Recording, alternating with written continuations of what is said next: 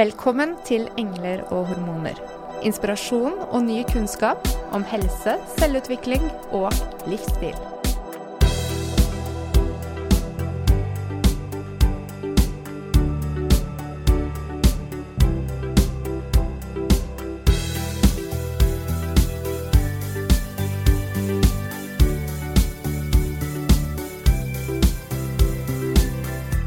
Hei sann! Vi vet at du som lytter til vår podkast, har lyst til å lære og bli inspirert. Og du vet at du sitter med et uforløst potensial.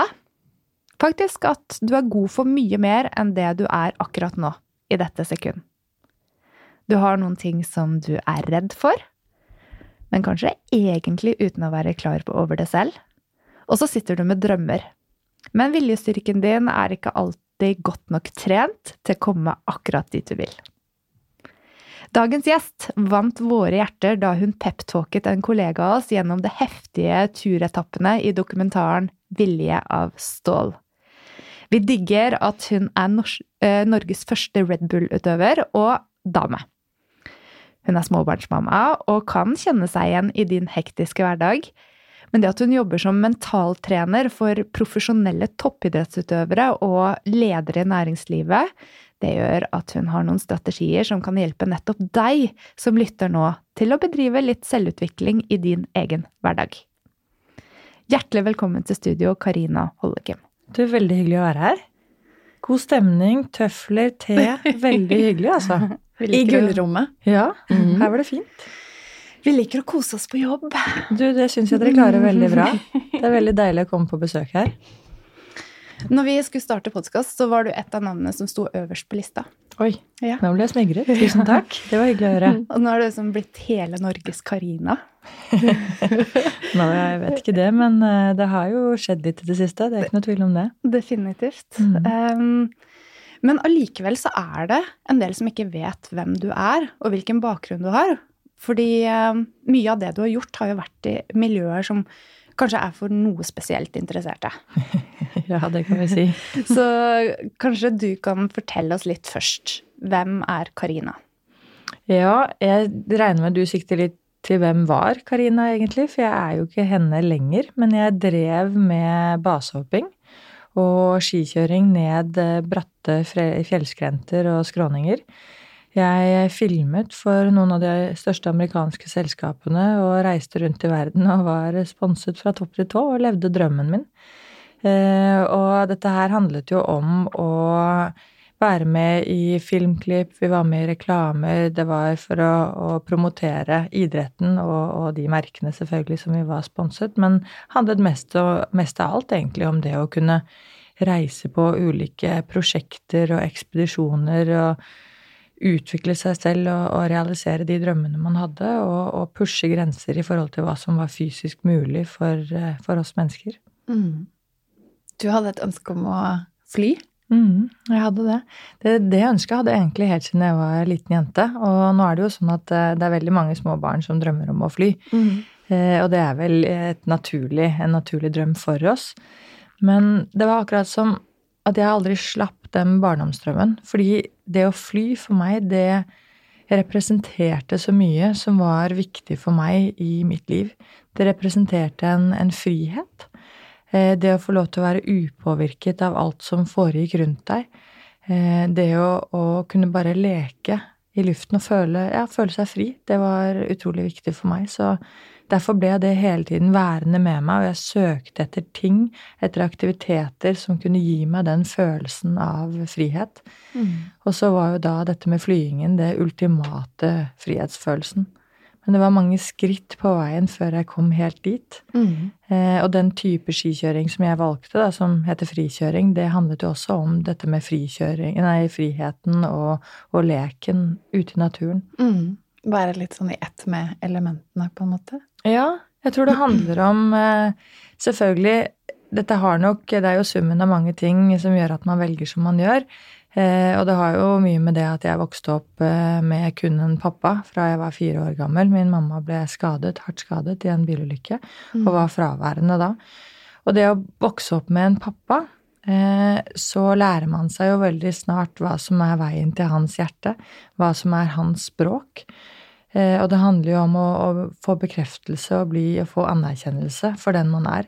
Mm. Og veldig, veldig tidlig så forsto jeg at uh, veien til hans hjerte var gjennom aktiviteter.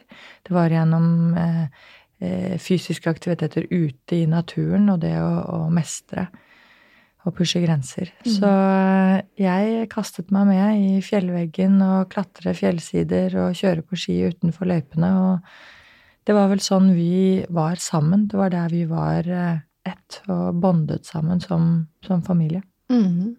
Og så hadde du en fryktelig ulykke i 2006. Ja, det hadde jeg også. Eh, det var en, en ulykke når jeg levde egentlig på toppen av karrieren mm. mm. som basehopper og, og, skikjører. Og så skulle vi gjøre et uh, oppvisningshopp uh, med fallskjerm, faktisk. Mm. Ironisk nok. Uh, og der hadde jeg en ulykke som sendte meg i bakken i over 100 km i timen. Og jeg knuste begge bena mine i over 25 brudd. Mm. Og fikk beskjed om at jeg aldri skulle kunne gå igjen. Mm. Det at du um våknet opp når du traff bakken.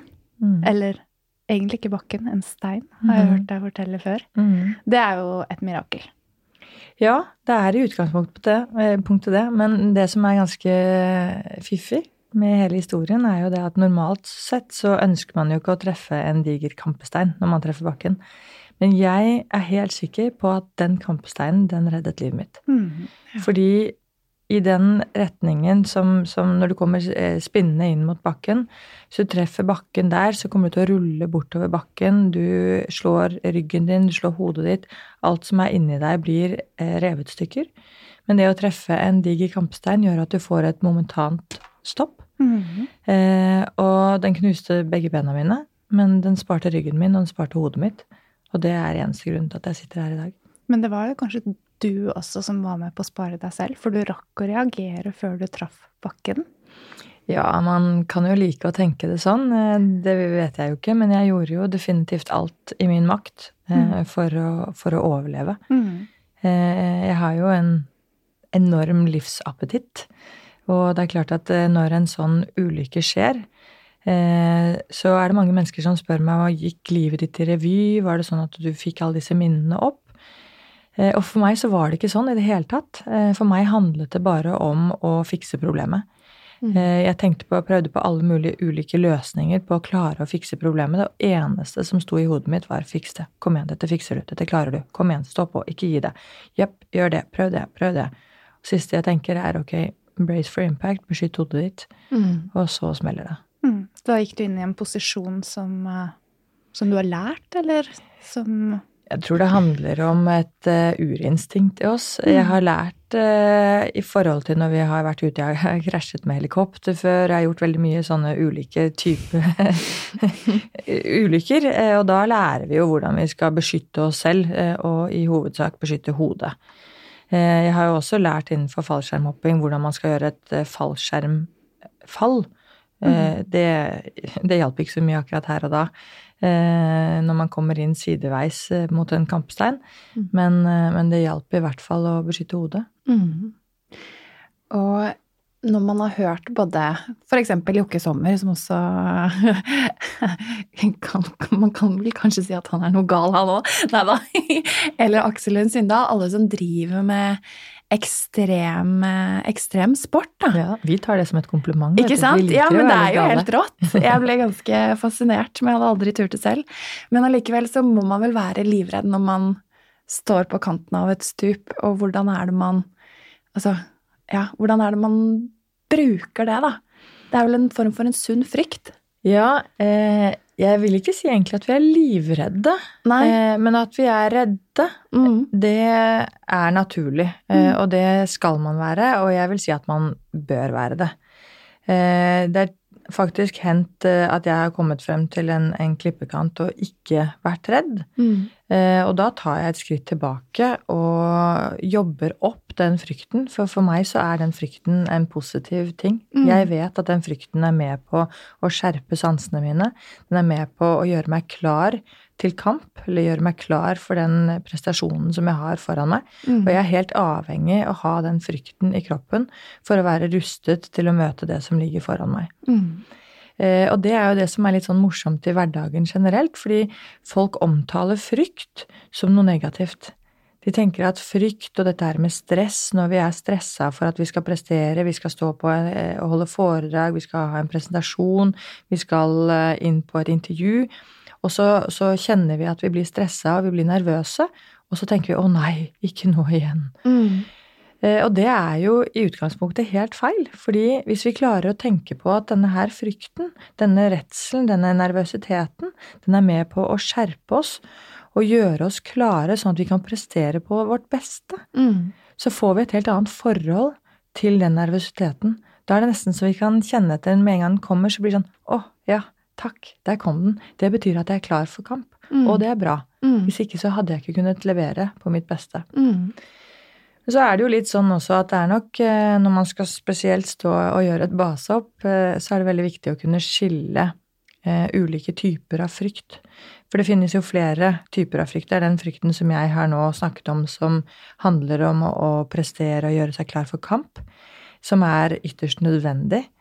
Men så finnes det også en annen type frykt som er en mer lammende frykt eh, som gjør at ikke lenger kroppen er i kontakt med hodet og kommuniserer sånn som den skal gjøre. At man fryser litt. Man fryser. Mm. Og den frykten er jo ekstremt viktig at vi blir kjent med, i form av at man kan kjenne det igjen og, og ikke sette seg i en situasjon som man faktisk fryser.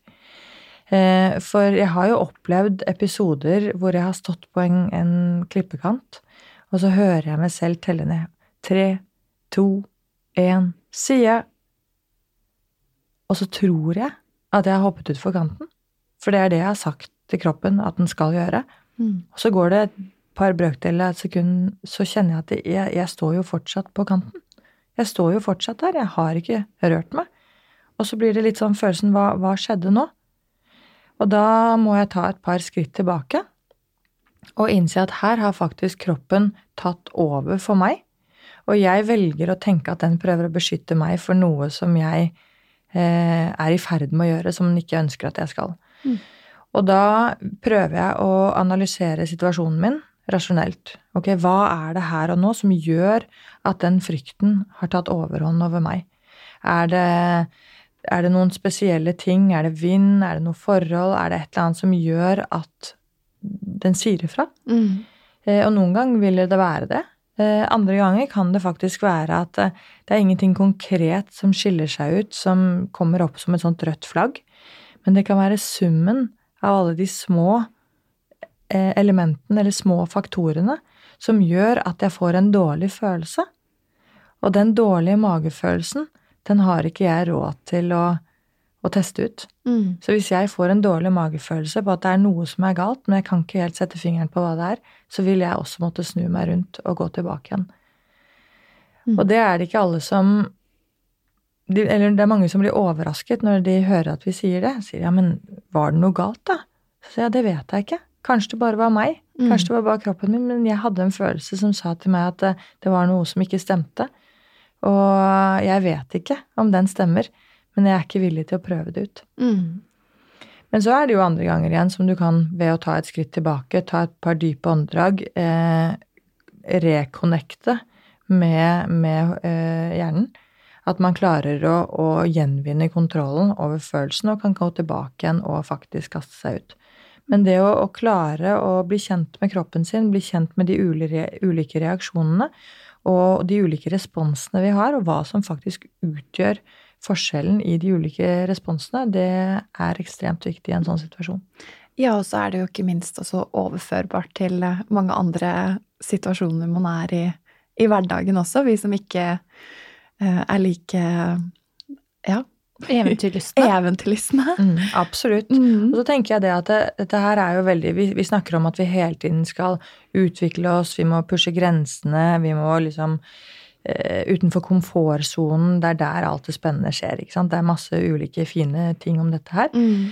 Eh, og så tenker jeg for hvis vi kaller det, hvis vi kaller det mannen i gaten, da. Mm. De som mannen i gata, de som ikke egentlig er så vant til å utfordre seg selv på den måten, og kanskje ikke helt vet ja, hvor er min komfortsone, hva er innenfor, hva er utenfor, så forstår jeg at det kan være utrolig vanskelig å vite hvor langt kan man strekke strikken. Mm.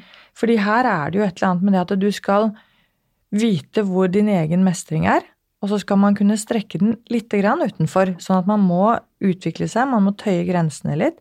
Men så, hvis man strekker den for langt, så er man plutselig ute i noe som vi kaller for en sånn panikksone. Og der ute, da har vi egentlig bare strukket kroppen og, eller eh, prestasjonen vår for langt ut, sånn at vi ikke lenger tenker eller opplever at vi klarer å, å tilfredsstille det. Mm. Og det er klart at når vi kommer ut dit, det er ikke bare det at vi blir svett på hendene lenger og er litt usikre og at hjertet banker litt fortere. Her går vi i en, en, en panikksituasjon hvor kroppen prøver å gjøre alt den kan for å stritte imot, for den begynner å forstå at dette her er jo langt utenfor mine grenser. Mm. Så det å, å, å ikke bare kaste seg ut i ting, men det å ta disse babystepsene, da med litt og litt og litt, sånn at vi hele tiden kan føle mestring. Sånn at vi føler at vet du, dette her behersker mm. Det her gjør meg godt. Ja, bra jobba. Og så kan man strekke den litt lenger neste gang, litt lenger neste gang. Det er jo på den måten vi utvider våre horisonter og vår eget eh, utviklingspotensial, eller mm. potensial. Er det slik du jobber med dine klienter også, Karina, når du er mentor for eh, idrettsutøvere og toppledere? det, det, er så forskjellig. Det er så ulikt. Mm. Eh, vi har alle våre utfordringer, og det er jo det som er så fint. For det er jo egentlig det som knytter oss sammen. Eh, og når jeg jobber med idrettsutøvere eller jobber med ledere, så kan det være alt fra selvfølgelig det å pushe grenser og utfordre seg selv. Det kan være at vi jobber med, med, selvtillit, selvfølelse, indre dialog. At vi har en tendens til å, å, fokusere på det negative rundt oss, og at vi ønsker en endring i vår egen opplevelse av virkeligheten. Vi kan snakke om kommunikasjon, vi kan snakke om stressmestring. Det er så utrolig mangt som fyller en hverdag, både som idrettsutøver og, og i hverdagen generelt. Eh, så, så, der er det ikke noe sånn Vi følger ikke noe mal eller noe fasit. Vi prøver å tilpasse det etter hver enkelt person. Mm. Det er fascinerende å se. Vi jobber på klinikk også og møter veldig mange ulike mennesker. Mm. Eh, og ulike livsfaser. Unge, gamle. Eh, mer eller mindre busy jobb. Hjemmeværende. Mm. Alle har et liv, og alle har sine utfordringer som på en måte man kan koke ned til en sånn felles eh, Noen har frykt. Mm. Noen har utfordringer i relasjoner. Noen har utfordringer med å finne sin egen identitet. Mm. Og jeg er sikker på at eh, mange kan ha nytte av å se litt nærmere på akkurat det du snakker om der, fordi at det handler jo om å finne for eksempel viljestyrke til å endre seg selv, da. Mm. I, når man er i en situasjon som man egentlig kan kontrollere, men så er det så mange ytre faktorer som påvirker en. Mm. Um, du hadde en kjempeytre faktor, den kampesteinen, og veldig mye tyngdekraft og fart mm, yeah. som traff deg ned. Jeg syns akkurat den prosessen med hvordan du tenkte når du skulle tilbake den syns jeg er veldig spennende. Med din bakgrunn og din kompetanse. Hvordan ser du på det i dag, eh, den reisen din? Mm. Det er klart at det å endre seg, eh, det er jo kanskje noe av det vanskeligste vi mennesker eh, gjør, faktisk, mm. i hverdagen. Og det handler jo veldig mye om motivasjon til å endre. Altså hvorfor ønsker vi å endre? Det kan være veldig ofte at vi vil bort fra noe. Det er noe som er eh, negativt, noe som vi er villige til å gjøre alt i vår makt for å unngå å, å få, mm. eller være i. Eh, eller det kan være noe vi ønsker å strekke oss etter eh, i form av et mål som vi vil oppnå. Og, og begge de to ulike motivasjonene er, er for så vidt sterke motivasjoner. Det er ikke noe sånn at den ene er bedre enn den andre. Eh, I tillegg så er det jo litt sånn som du nevner her, at det er ytre motivasjon. Eh, det er indre motivasjon. For meg, så i den situasjonen som du nevner, eh, så hadde jo jeg kommet til et sted hvor jeg var så skadet, så endringen var allerede skjedd. Så jeg Min jobb var jo å kjempe meg tilbake igjen. Jeg hadde jo fått én motivasjon som var helt fantastisk, som man kanskje ikke skulle tenke var, var, var, positiv, men det er jo at eh, det kommer en lege inn på mitt sykehus og forteller meg at jeg aldri skal kunne gå igjen. Eh, og idet han sier det, så blir jo jeg så sjokket og satt ut og redd, og eh, jeg forstår ikke hva det innebærer. Jeg kjenner at jeg, jeg, blir så sjokkert at jeg klarer ikke engang å stille han et spørsmål. Og da snur han seg rundt og går ut av døren, og føles egentlig som han lukker døren til mitt liv. Mm. Så enkelt var det, liksom. En sånn melding på den måten der. Men det som han ikke visste da, er at det at han forteller meg at jeg aldri skal kunne gå igjen, det blir en av mine største motivasjonsfaktorer for å kjempe meg tilbake igjen. For jeg ble litt sånn fandenivoldsk. Jeg ble litt sånn etter at sjokket hadde lagt seg, etter at den verste eh, tristheten og, og, frykten hadde lagt seg, så ble jeg sånn du, Vet du hva, hvem er det du tror du er, som kan komme her og si hva jeg kan eller ikke kan? Det er ingen som kan spå, spå fremtiden. Det er ingen som vet hva vi er kapable til i morgen. Og jeg skal i hvert fall ikke gi meg uten kamp. Men jeg tenker, som fra rent faglig perspektiv, så er det en lege som kommer og sier at du kan ikke gå igjen. Og det kan jo være mange grunner til det, tenker jeg, sånn anatomisk. Mm. Du hadde masse skader og nerver og muskler og jeg vet ikke hva. Vi har jo sett bildene i A-magasinet. Mm. så var det på et noe tidspunkt der en annen som kom inn og ga deg fysisk håp om at det kanskje ikke stemte, eller var det bare deg som tenkte at vet du hva, dette her kan jeg klare allikevel? Eh, nei, det var eh, Jeg fikk eh, hjelp. Det var faktisk min pappa eh, som kom inn i bildet. Eh, han reiste jo ned til Sveits og satt sammen med meg, for jeg hadde veldig mye tunge tanker. Jeg hadde veldig mye spørsmål om fremtiden. Eh, hva vil skje om jeg aldri kan kunne gå igjen? jeg bodde i femte etasje uten heis. Vil jeg noen gang kunne sove i min egen seng igjen? Hva vil skje med vennene mine? Vil de være der for meg hvis jeg blir sittende i rullestol? Vil jeg kunne få en egen familie? Altså, det var så mye spørsmål. Og de spørsmålene fantes det jo ikke svar på. Så han satt der ved min side, og hver gang jeg begynte å gå i den retningen at jeg lurte på fremtiden og satte spørsmålstegn ved ting, så hentet han meg litt sånn elegant tilbake igjen til her og nå, og fokuserte på de tingene som jeg mestret de tingene som jeg fortsatt kunne gjøre, og det som var bra. Og det gjorde jo at jeg sakte, men sikkert sluttet å tenke på fremtiden. Jeg sluttet å sette spørsmålstegn ved ting som jeg ikke ville få svar på. Og jeg ble flinkere og flinkere til å fokusere på her og nå, og de tingene som jeg mestret. Og det tror jeg er et utrolig viktig fokusskifte, hvis vi kan kalle det det. Mm. At man endrer det man ser etter, til alt som handler om det usikre der fremme, som naturlig nok gir oss en frykt, en usikkerhet. Det tapper oss for energi. Til at mm. vi flytter fokuset fokus og det vi ser etter, til her hjemme og her og nå. Og de tingene som jeg er god på, de tingene jeg fortsatt mestrer, de tingene jeg fortsatt får til. For da vil du legge merke til at det er veldig mange ting jeg fortsatt mestrer. Mm. Og det kan være småting. Som kanskje i det store bildet virker som små detaljer, men allikevel, så lenge du fokuserer på de, så er det de som får oppmerksomheten din, og da er det det som vokser i ditt opplevelsesbilde. Mm. Og det var det som skjedde med meg. Så det kunne være småting som det å, å, å flytte meg fra sengen over i rullestolen på egen hånd uten å få hjelp. Det kan være det å, å ta på seg sokkene sine begge, på begge føttene helt uten å få hjelp. Altså små sånne milepæler som betydde mye for deg hver eneste dag, det gjorde at jeg følte at jeg mestret en hel del, Ja. Mm.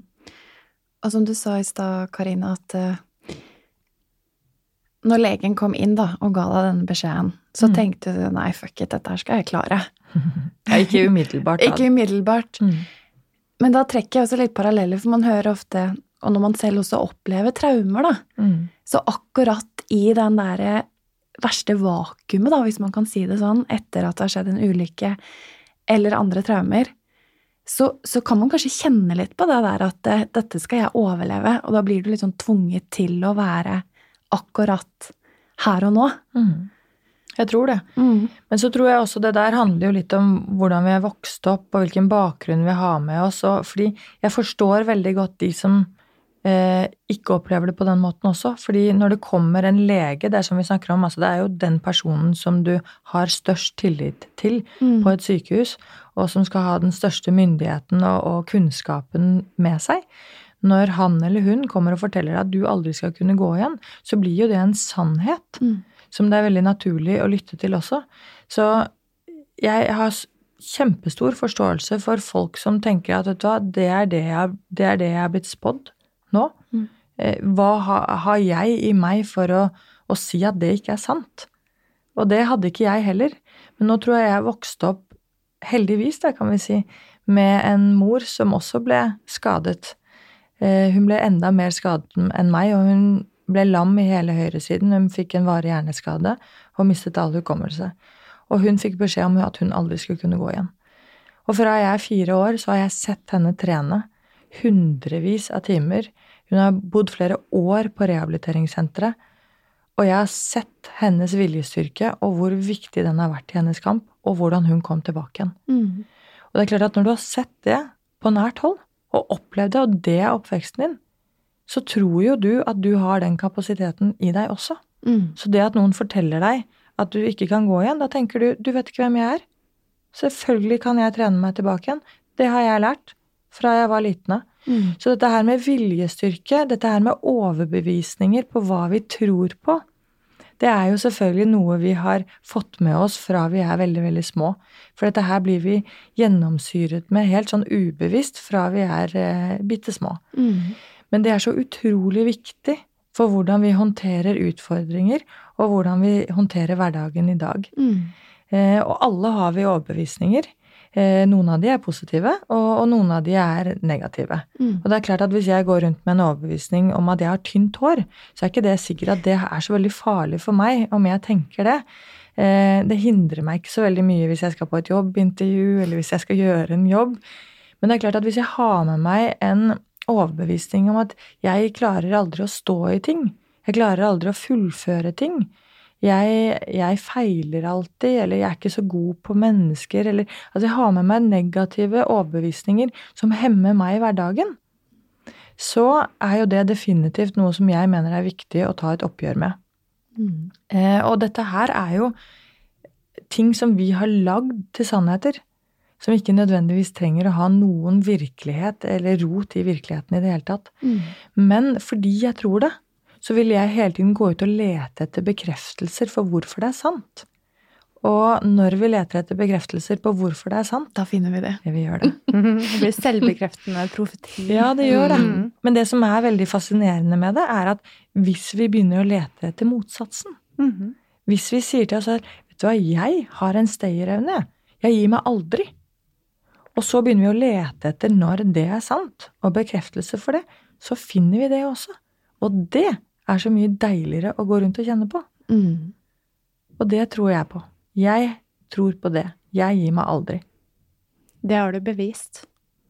Jeg ga meg jo. I hvert fall én gang. Ja. ja. men,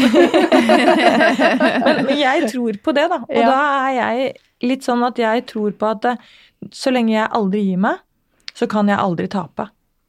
Mm. Og det er så deilig å kjenne på at da feiler man ikke. For jeg tror på det at så lenge man er på vei et sted, så lenge man er på vei i en retning, så har man ikke feilet. Mm. Man kan ta, måtte ta hold, på å si, omveier og detour eh, for å komme seg dit. Kanskje man må endre på målsetningen sin eller eh, hvilken retning man ønsker å gå, lite grann, for å tilpasse seg. Men så lenge jeg er på vei, så kan jeg ikke feile. Mm. Men den dagen jeg gir meg, Mm. Den dagen jeg slutter å prøve, da har jeg jo feilet. Mm. Pappaen din høres ut som en helt fantastisk mann, Karina. ja. ja. Og så nesten som om han var din mentaltrener på det tidspunktet. Mm, han var eh, på mange måter det. Eh, I hvert fall i en fase der som var eh, veldig kritisk for meg, og mm. utrolig viktig å ha en støttespiller der. Og det er jo nesten litt sånn morsomt å tenke på, fordi den siden av han som han viste der, det var akkurat som han tok inn den derre fight or flight-urinstinktet sitt. At nå var det viktig at han hentet frem det beste i seg og presterte for å løfte meg. Mm. For det var det jeg trengte. Mhm. For han er ikke sånn i hverdagen. Altså, han er jo ikke så mestrings... Han er ikke så god med seg selv som han var med meg. Nei. Og det gjør jo meg av og til litt vondt i dag, at han ikke kan være like god mot seg selv som han var mot meg. Men jeg er jo evig takknemlig for at han dro meg inn på det sporet som jeg trengte. Mm. Og så prøver jo jeg å gi tilbake til han nå, med å, å krydre han med litt ulike vinklinger og perspektiver på hans egen situasjon. Mm. Hjelpe hverandre. Ja, Men Han han peppa vel ganske greit disse legene på dette sykehuset du var òg, var det ikke Jeg vet ikke om det går under navnet pepping, men eh, min pappa, han er beinhard. Mm. Og han kødder du ikke med. Mm. Eh, verken når du er lite barn, eller når du er voksen lege. Så når han kommer og, og forteller deg hvordan ting skal være, og hvor skapet skal stå, så skal det litt til for at ikke du adlyder. De fant jo en liten jordbit eller sånn, var det ikke Ja, det? de gjorde det. Eh, og det var jo de, de ønsket å amputere benet mitt på det tidspunktet der. Mm. Eh, og da hadde jeg jo ligget på sykehuset i nesten tre måneder. Eh, jeg veide 42 kilo, tror jeg. Og jeg er 1,80 høy, Mm. eh, så det er jo 25 kilo mindre enn jeg veier i dag, da. Og det er jo lite grann. Så jeg så ut som eh, det var bare skinn og bein. Og jeg var kommet til et punkt hvor jeg fikk eh, sånne anfall og seizures fordi at jeg var så svak, og kroppen min begynte å takke for seg og si at nå har, vi fått, nå har jeg fått nok påkjenning, nå vil jeg ikke mer. Og han syns at jeg hadde stått i det med ulike utfordringer gjennom eh, infeksjoner, og at det spjæret opp, og det var mye frykt, og det var mye stress. og han skjønte- at nå begynner det blusset her å, å, å svekkes. Nå er det snart Gnisten er snart borti de øynene. Mm. Så han skjønte det at hvis legen kommer og forteller meg at de må amputere benet mitt nå, så var han redd for at eh, livsgnisten min skulle svekkes igjen. Mm. Og det kunne han ikke tillate. Og jeg tror Hvis det er noen som kjenner meg, så er det jo han. Mm. Og hvis han mener at han så det Jeg er redd han hadde rett. Mm. Ja. Ja. Og så har man jo sett eh, også klippene fra første gangen du står på ski igjen, eh, og bare Mm. den gleden eh, det, det, Ja, jeg tror de bildene sier mer enn tusen ord, jeg, Karina. Jo, det var en helt fantastisk opplevelse. Den hadde jo jeg sett frem imot i veldig, veldig mange år. Eh, Jeg skrev jo det allerede som min første drøm, eller mitt første mål på Cato-senteret da jeg var på rehabilitering. Så var det langsiktig mål, og det var å komme tilbake på ski. Og det var ikke å kjøre på ski ned en, en slalåmbakke, det var å kjøre ned på ski ned en fjellside. Men for å komme til en fjellside, så må du først innom en slalåmbakke. Mm. Og jeg hadde nok allerede villet det i flere år, i hvert fall ett år, og innsett at ikke det var mulig, innsett at jeg ikke fysisk var sterk nok, og skjønt at jeg hadde tatt meg litt vann over hodet. Så jeg var jo veldig nervøs. Jeg var veldig stressa på om, om jeg i det hele tatt hadde drømt for stort, om jeg var urealistisk i mine tanker og forhåpninger om hva denne kroppen skulle prestere. Mm. Eh, og når jeg da hadde vel egentlig bestemt meg for at ok, jeg skal prøve. Hvis ikke det går nå, så får jeg prøve igjen neste år. Hvis ikke det går neste år, så får jeg prøve igjen året etter og året etter. Men jeg skjønte jo allikevel det at på et tidspunkt så må jeg også sette foten i bakken og innse at slaget er tapt. Mm. Og det er jo det du er redd for, fordi da blir du redd for ok, hvordan skal jeg takle det? Men jeg bestemte meg for å ikke fokusere på det nå, og så fikk jeg heller håndtere det hvis den dagen inntraff. Mm. Så det å komme da til Hemsedal, komme av heisen på toppen av bakken og begynne å skli nedover slalåmbakken, og, og med de første liksom prøvende svingene, og kjenne det at det, det føltes faktisk nesten lettere å kjøre på ski enn å gå, Mm. så var det akkurat som at det her er jo jeg skapt for. Det er jo dette her som er meg. Mm. Og det var så utrolig befriende følelse, og det var sånn Takk, takk, takk. Det var helt, helt rått. Og du kjørte også med de røde oksene på hjelmen eh, Jeg gjorde i. Hemsedal. Ja. Jeg gjorde det. Mm. Eh, De røde oksene har jo fulgt meg gjennom eh, min idrettskarriere. Men kanskje viktigst av alt så har de fulgt meg gjennom min rehabilitering Mm. og gjennom min opptrening. Og det er utrolig mange som liker å kritisere de to røde oksene. Mm. Vi snakker om Red Bull, for å ikke vite det. Eh, Red Bull har vært Mm. min sponsor, og de var min første store sponsor eh, lenge før de kom til Norge. Eh, og det er veldig mange som liker å, å kritisere de for innholdet, for påvirkningen de har på ungdom, på uh, veldig mange ting. De tror også at vi, de pusher oss utøvere, uh, hvilket de absolutt ikke gjør. Mm. Det er vi utøverne som pusher oss selv, og så er det Red Bull som er en fasilitator, og som gjør våre drømmer til virkelighet, da, fordi de har en, en, en, både en pengesekk, selvfølgelig, og, og et nettverk som gjør ting mulig som ellers ikke ville vært mulig for oss. Mm. Men det er på en måte den ene side av saken. Når jeg krasjer og går i bakken, da sitter jeg i en rullestol uten muligheten til å skulle reise meg og skulle gå igjen. Jeg har en, en spådom som er at jeg aldri skal gå igjen. Det å komme tilbake til en idrettskarriere eller et idrettsliv, det er i hvert fall totalt utenkelig. Og når Red Bull kommer til meg den julen, så skjønner jo jeg at kontrakten min er ute, og at de er utrolig snille som kommer og egentlig takker for samarbeidet sånn face to face. Jeg tenker jeg så, satte så utrolig pris på det. Og når de reiser fra meg den julen Å, nå ble jeg sånn rørt. så, så sitter jeg med en ny kontrakt i hånden. Og den er ikke bare som den var tidligere, den er doblet i inntekt fra året før. Fordi de sier til meg at de vil at jeg skal ha alle forutsetninger for å kunne lykkes i den oppgaven jeg har foran meg nå. Mm. Og de vil ikke at penger skal kunne være et hinder for meg, og de skjønner at jeg står i en vanskelig situasjon. Mm.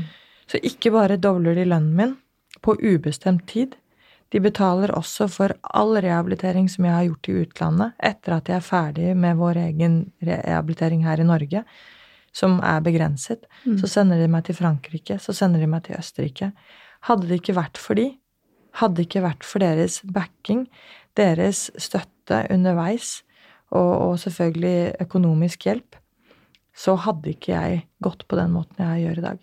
Da hadde jeg vært hjemme, eh, antageligvis måtte være avhengig av en krykke eller to, Mm. og kanskje vært en eh, plett på systemet vårt. Mm. Så jeg vil være de evig takknemlig.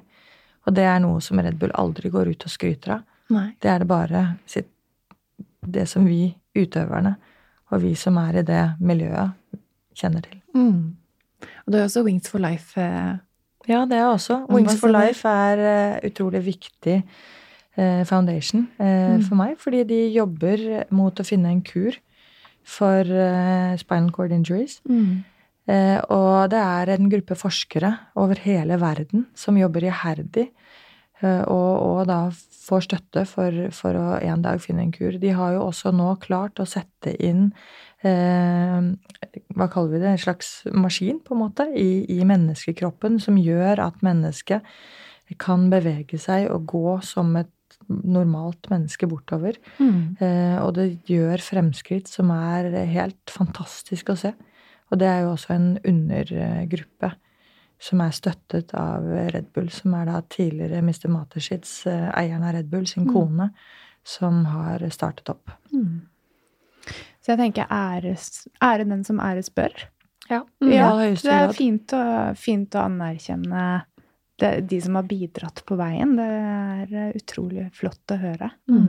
Og jeg tenker jo at når det kommer til Red Bull, som eh, mye annen drikke, så handler det vel om måtehold og sunn fornuft der også. Mm. Mm. Som i det, ja, det meste annet. annet. Mm. I forhold til det samspillet med din far Mm. Du likte det? Jeg likte det. Jeg likte det, Men nå skal jeg trekke det videre til, Ja. til deg, fordi du har jo også fått barn nå. Ja. Det er mye gutter rundt deg, Karina. Veldig mye gutter. Ja. Får bare gutter. Ja.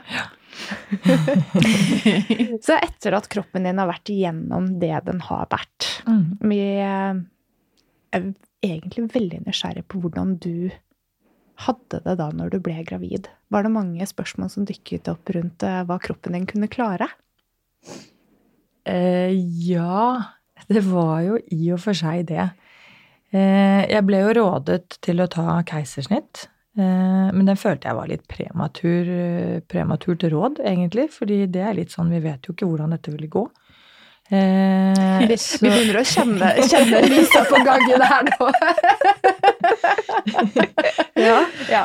Så jeg tenkte det at jeg følte at det var viktig, antageligvis både for meg og for mitt barn, å skulle føde naturlig. Jeg tror på at det å føde naturlig er det beste. Mhm. Med mindre det skulle være komplikasjoner som gjør at det ikke lenger er det beste. Yeah.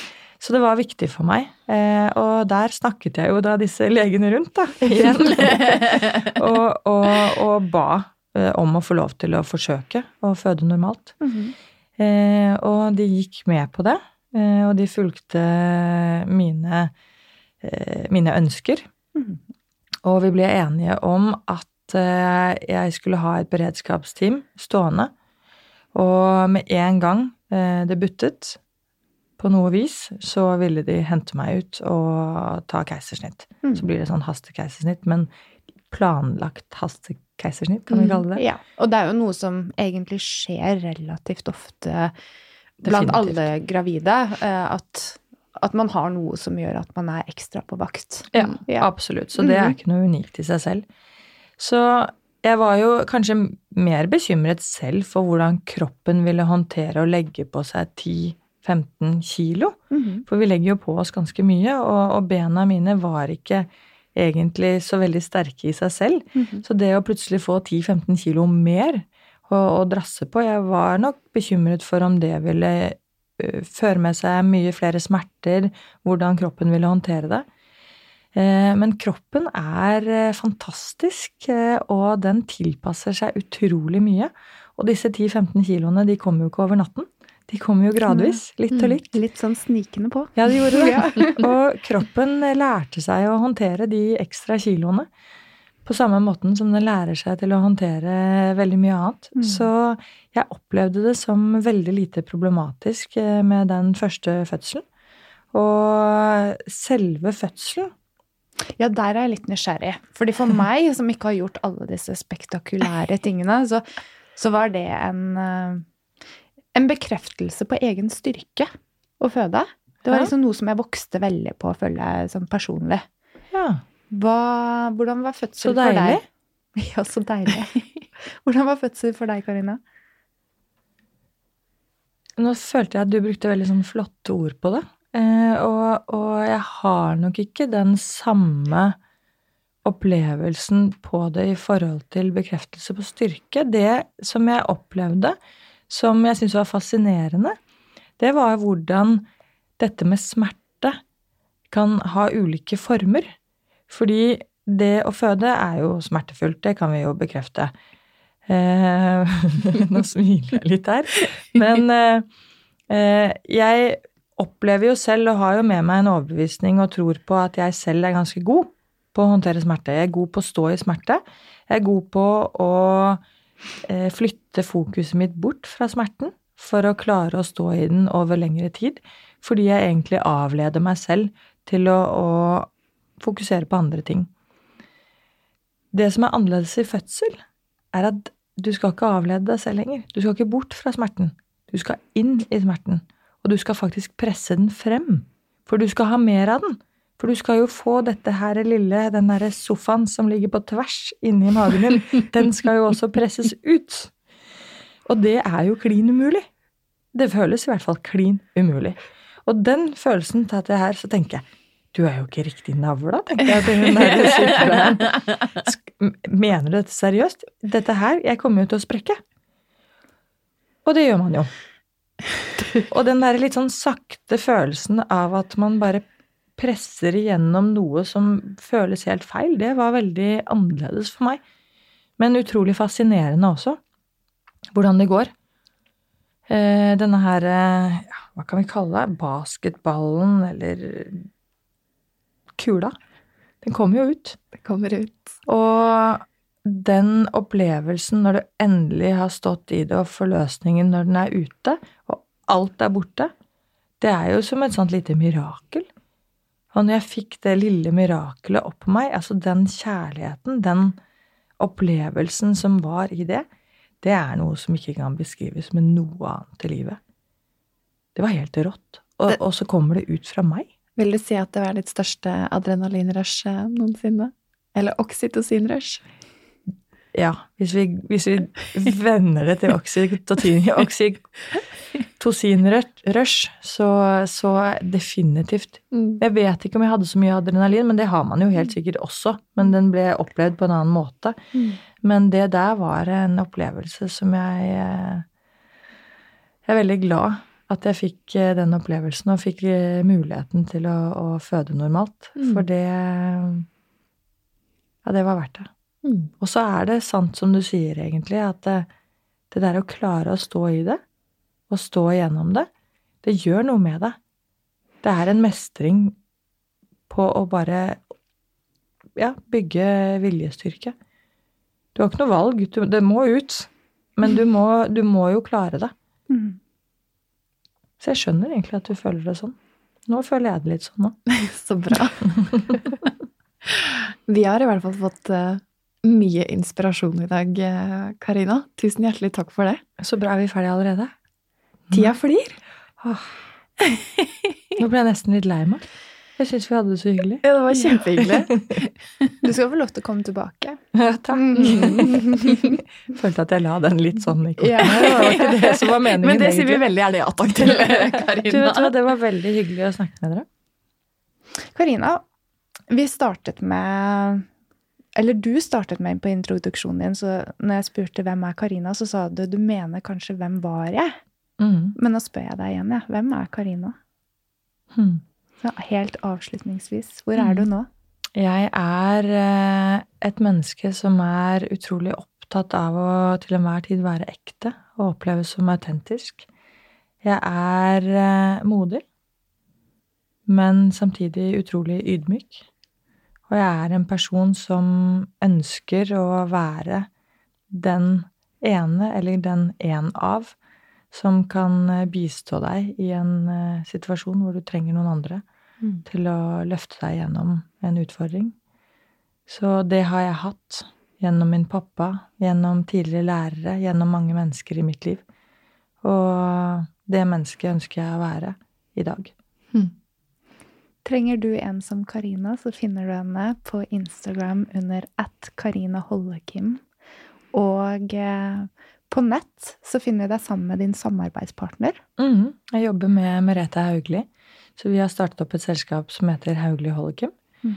Og der eh, jobber vi med mentaltrening, mentoring. Vi driver med lederutvikling. Og jobber med alt fra mm, vanlig mann i gata, idrettsutøvere, ledere. De som trenger å, å flytte seg fra A til B. De som trenger å bli litt mer bevisst i hverdagen. Og ta litt mer kontroll over de valgene vi står i hver eneste dag. Og bli litt bedre sjåfør i eget liv. Trenger du å kjøre bedre, så finner du Karina der. Mm. Og vi eh, blir veldig glad hvis du går inn på iTunes og gir oss en rating og gjerne en kommentar på dagens historie. Hvis du har spørsmål til Karina, så er hun helt sikkert tilgjengelig i kommentarfeltet på sosiale medier. Og så ønsker vi deg en fantastisk uke videre. Takk for i dag. Tusen takk.